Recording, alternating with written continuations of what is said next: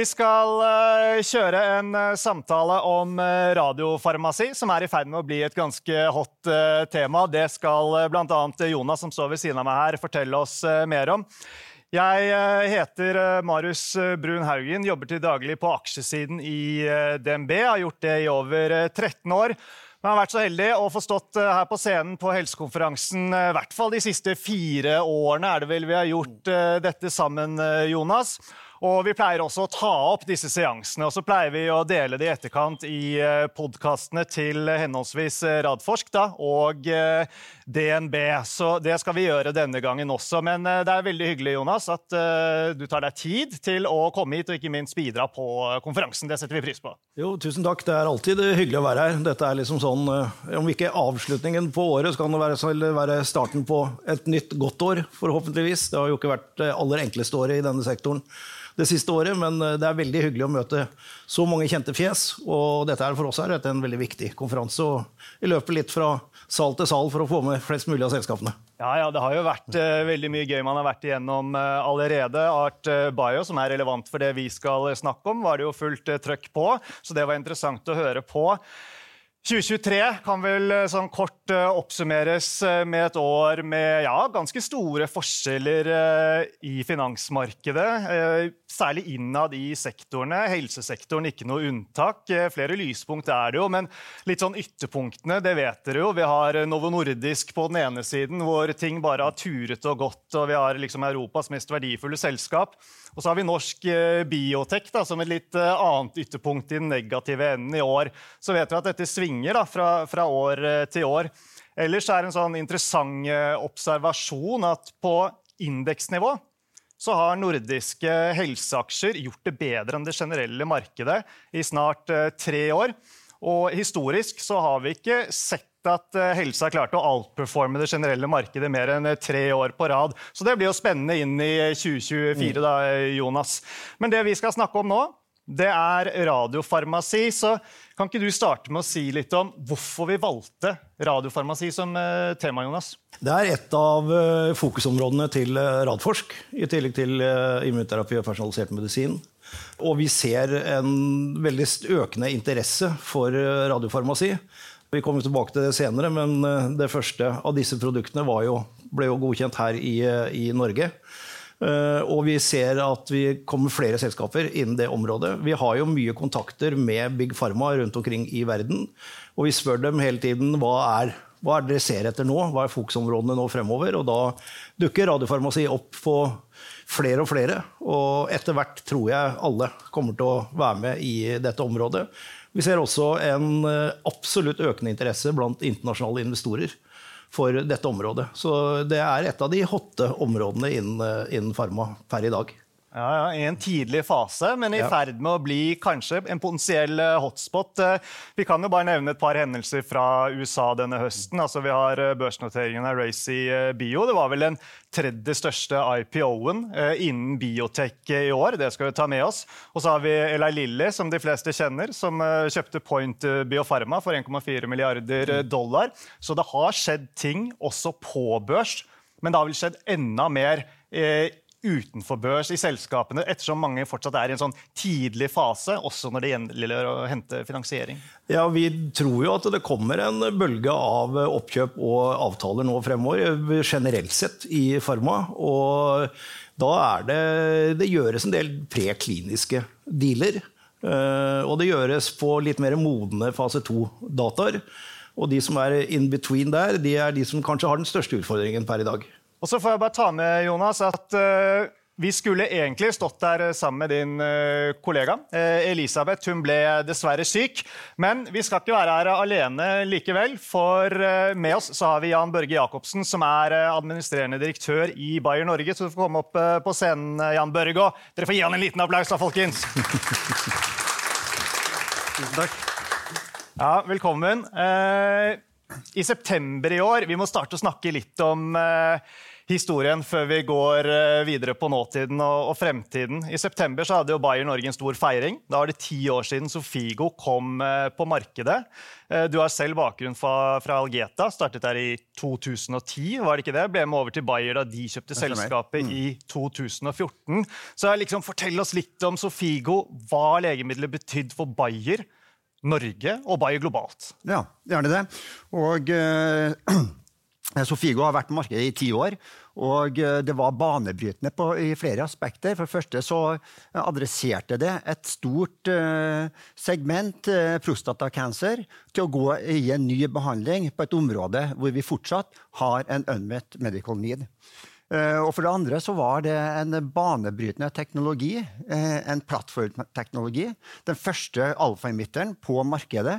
Og faktisk, ti år etter, fortsatt den eneste alfa-emitteren på markedet. Så du kan si at det, Sofigo var døråpneren. Eh, første bølge av radioterapi, som lenge har vært eh, et eh, segment for diagnostikk. Og nå åpnet det dørene for terapi. Etter det så har eh, eh Sofigo åpnet dørene for, eh, for Novartis har kommet på banen med to beta-emittere. Og vi forventer en, egentlig en ny bølge av ny radioterapi. For eh, Bayer eh, Norge så Eh, og Bayer som sådan, så var det en eh, brakte eh, oppkjøpet da av Algeta.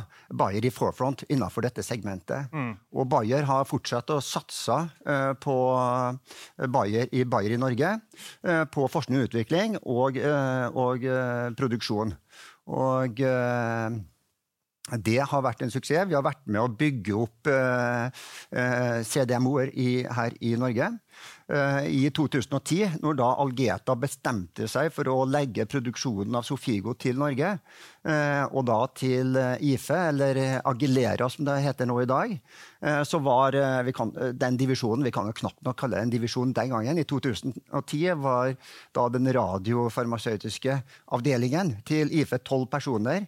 Algeta på det tidspunktet var 40 personer. I dag så er Agilera en bedrift på 140 personer, og vi i Bayer Norge Eh, har 100, nesten 100 personer som jobber med forskning, utvikling og eh, produksjon innenfor radiofarmasi. Vi har egne laboratorier på Lysaker, og vi liker å si at vi har eh, verdens beste ekspertise og laboratorier innenfor dette segmentet her i Norge. Så, så, så, så dette har betydd mye, og så håper dere jo selvfølgelig at her skal det, her skal det komme, komme, vekst. Komme tilbake til det, da. Men Jonas, Radforsk, eh, uten å rippe for mye opp i historien og begynne å backtrade. Altså, dere var jo tidlig inne i Algeta, ja, men jeg vet det gremmer deg litt over at eh, dere gikk kanskje litt tidlig ut også? Ja da, vi var eh, en av de aller første investorene, faktisk, ikke sant, Roy? Og var med og støttet Algeta. Så fikk jeg den lure ideen at når det ble børsnotert, så måtte det være på tide å ta en exit. Og det var på 40 kroner, og så kjøpte vel dere for 380 eller noe sånt. Det er historie.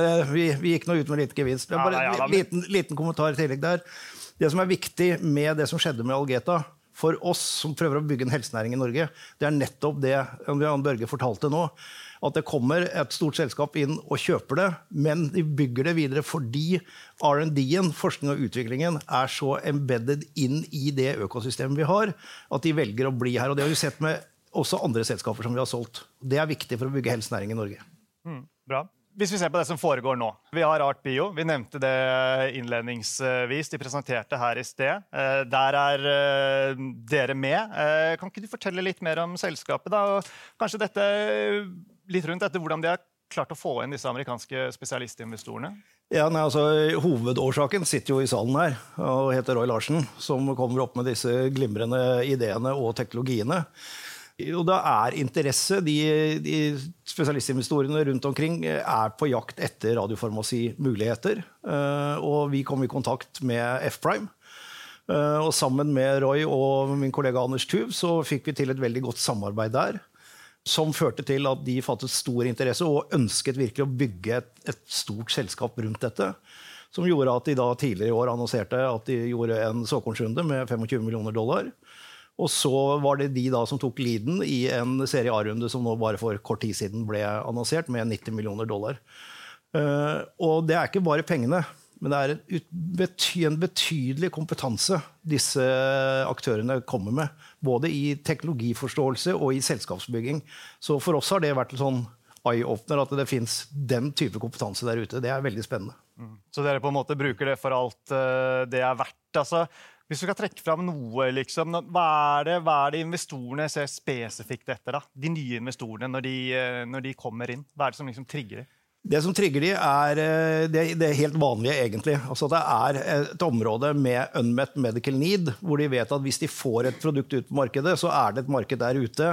Både blant klinikere under utvikling, da er det veldig viktig, men ikke minst da også de som skal betale for dette i, til slutt. Eh, og da må de ha den rette teknologien. og for oss er det viktig at det er en teknologi som er helt banebrytende. Det hjelper ikke for oss her i Norge å prøve å gå ut og selge ideer som er litt sånn metoo-ideer. Det må være helt nytt, det må være first in class, det må være helt banebrytende. Og Det tror jeg er grunnen til at vi ser at vi får finne denne interessen. Mm. Teknologi er vel eh, på en måte et av nøkkelordene, det, eller hva, Jan Børge? Altså, kan ikke du si litt uh, hvordan du liksom ser utviklingen gå da, innen radiofarmasøytiske behandlinger uh, nå?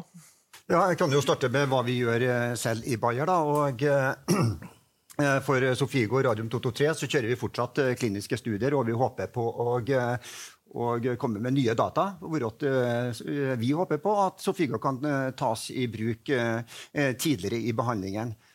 Vi har forska og utvikla på bringe den, å bli den første som bringer det andre alfamitter på markedet. Nå er konkurransen der kjempetøff. Eh, men vi har eh, kjørt gjennom eh, en annen radionukleide, en radion 223 med thorium. Vi har testa ut den, vi har satt den på hold, og vi har skifta fokus over på actinium 225. Og vi har fokus på den plattformen. Og vi starta kliniske studier på det i Finland i, nå, i høst, tidligere i høst. Så det er vår fokus. Nå ser vi at det er, er mange andre aktører som kommer inn. Eh, I løpet av de tre siste årene så har det kommet opp eh, de tre siste årene så er det 30, over 30 nye firmaer som utvikler eh, ny radioterapi. Så dette er et område med sterk interesse og en, en helt annen konkurranse enn det vi opplevde med Algeta når vi lanserte Sofigo i 2013. Så her er det, eh, er det, mange aktører, og forventninger rundt et eh, eh, marked som, som vil stige. Noen så det skjer mye nå. Kommer det bare til å gå enda fortere til neste år, tror dere? Altså Kommer vi til å se at det blir enda mer eh, aktivitet, og ikke minst at teknologien går jeg, jeg, jeg, tror det. Det vil være flere selskaper som kommer og produserer litt mer solide kliniske data etter hvert. Det er, som, som Jan Børge sier, det er en veldig ung nisje, men eh, det vil komme mer kliniske data. og i, bare her i, eh, hos oss så har vi jo både OncoInvent og ArtBio som forhåpentligvis da kommer med, med kliniske data etter hvert. Og det vil eh, nok skape enda større interesse, tror jeg. Mm. Ok, Så spørsmålet blir vel da, hvem får den neste alfa-emitteren på markedet først? Hva sier du, Jonas? Nei, altså Onco Invent skal i fase to, så det er jo et uh, godt skritt fremover. ArtBio Art Bio er på vei inn i sin fase 1-studie nå. Ting tar tid i denne bransjen uansett, men alt avhenger av resultater. Altså er, de snakker jo nå om at man kan sette opp en fase 1-studie som kan skli over i en fase 2, som kan skli over i en pivotal. Eh, dette er liksom litt ny måte å utvikle legemidler på, eh, men her kan du lese effekten så tydelig i denne type behandling at det kan være en mulighet som gjør at det går mye raskere enn det har gjort før. Det gjenstår å se, men jeg, jeg, har tro på det at vi vil få en raskere utvikling av denne type produkter enn av de mer standard kreftlegemidlene. Mm. Føler du at uh, dere er backet uh, sentralt fra Tyskland uh, og for å hva skal vi si, fortsette å, å, få dette fram her i Norge? Får dere liksom den støtten dere trenger på, på alle mulige måter? Ja, det, det, er det. Og vi er jo integrert del av Bayers organisasjon. Eh, I Bayer så er radiofarmasi en, eh, en strategisk satsingsområde, hvor vi har en Center of Excellence i Norge når det kommer til forskning, utvikling og produksjon. Og vi snakker også produksjon til klinisk fase. Mm. Så det med radiofarmasi det er kortlivede produkter, kort holdbarhetstid. Så det også det å produsere, distribuere, er en del av produktet. Mm. Så, så det er en ekspertise vi har i Norge. og vi Eh, får det vi trenger for å bringe Bayers portefølje framover. Det, det, gjør vi absolutt. Jeg tror, jeg tror, det er et viktig poeng, fordi eh, Emanuel Ostini i, i, Art Bio sa det veldig fint under sitt foredrag i dag.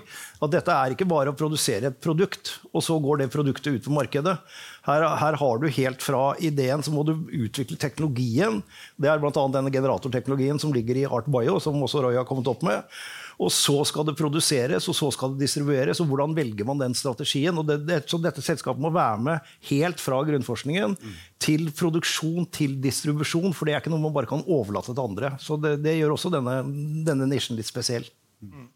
Jeg vil også fremheve, Vi snakker mye om terapi. Eh, diagnostikk har også vært et eh, veldig viktig element i, eh, i radiofarmasien som sådan. Og der har vi også sett en vekst. Og Det er også hyggelig å se at der også er det i Norge en tung aktør med G Healthcare som har hatt produkter innenfor Spekt og PET. Og det er også et marked som har vokst. Men vi, skjer mer her fremover også? Etter, sånn jeg kan jo ikke uttale meg om andre selskaper, men, eh, men eh, altså, segmentet vokser der også innenfor diagnostikkbiten. Men hvor det virkelig forventes å ta, tas av, det er på terapibitene. Mm. Fusion, Lantas, Novartis de har kanskje vært de mest aktive pådriverne for uh, konsolidering hvis vi ser over de siste tre-fire årene. Tett fulgt av dere i Bayer, bl.a. Ella Lilly må vi også ta med i mm. dette bildet. Er det også de aktørene vi kommer til å se, som kommer til å fortsette å hva skal vi si, dominere konsolideringen her? Er det sannsynlig? Altså, det er uh, utrolig mange startups i det segmentet her nå. Uh, det kommer til et, et, et, en, en, konsolidering. Det kommer til å være big pharma. Og vi har sett noen big pharma er tungt inne i dag. Det kommer til å bli flere big pharma som er inne i radiofarmsbitene. Eh, når vi kommer på markeder, så har vi ofte fokusert på USA og Europa. Mm. Kina kommer, eh, også med ny innovasjon selv. Eh, et annet område som vi har slitt med, er tilgangen til radionuklider. Altså det er en supply sourcing av radionuklider er på enkelte områder vanskelig. Der vil vi se at det løses opp i løpet av de neste to-tre årene, og også at prisene kommer til å gå ned. Bra. Hvis vi skal oppsummere, Jonas, vår tid er i ferd med å løpe ut. Programmet skal uh, videre. Uh, for meg virker det som at uh, dette her er det verdt å holde et øye på. Her kan det skje mye. Det har vært mye aktivitet også på finansieringssiden i noen tidlige faser. Og så begynner vi å se at det smitter over mm. litt på de få selskapene som er på, på børs også. Så et område som du garantert eh, kommer til å holde øye på og følge tett, men, men som også kan ha potensial. Ja. ja nei, jeg, jeg, er ganske trygg på det. Eh, og dette er viktig for oss. Og Radforsk har også den eh, oppgaven at vi skal prøve å bidra til å produsere disse gode ideene som kommer. Og Da er disse forskningsmiljøene kjempeviktige. Vi har allerede et stort satsingsområde sammen med Kreftforeningen og MUS-stiftelsen på selvterapi. Og Radforsk har selv tatt initiativet til og funder nå i noen år et nytt prosjekt som heter Tarakan. og Det er direkte støtte til de forskerne på Radiumhospitalet og Institutt for kreftforskning som jobber nettopp tett opp mot Roy Larsen og andre, og også etter hvert med selskapene. Sånn at vi har en motor som vi kan gi nye ideer i, i tiden fremover. Veldig bra, det. Tusen takk for at uh, dere var med. Vi får gjøre plass til de neste som skal på scenen. Tusen takk for oss. Takk.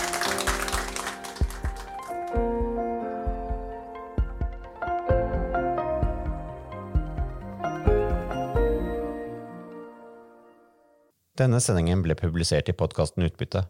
Innholdet i sendingen er å anse som markedsføringsmateriale fra DNB og er ment å være generell spareveiledning.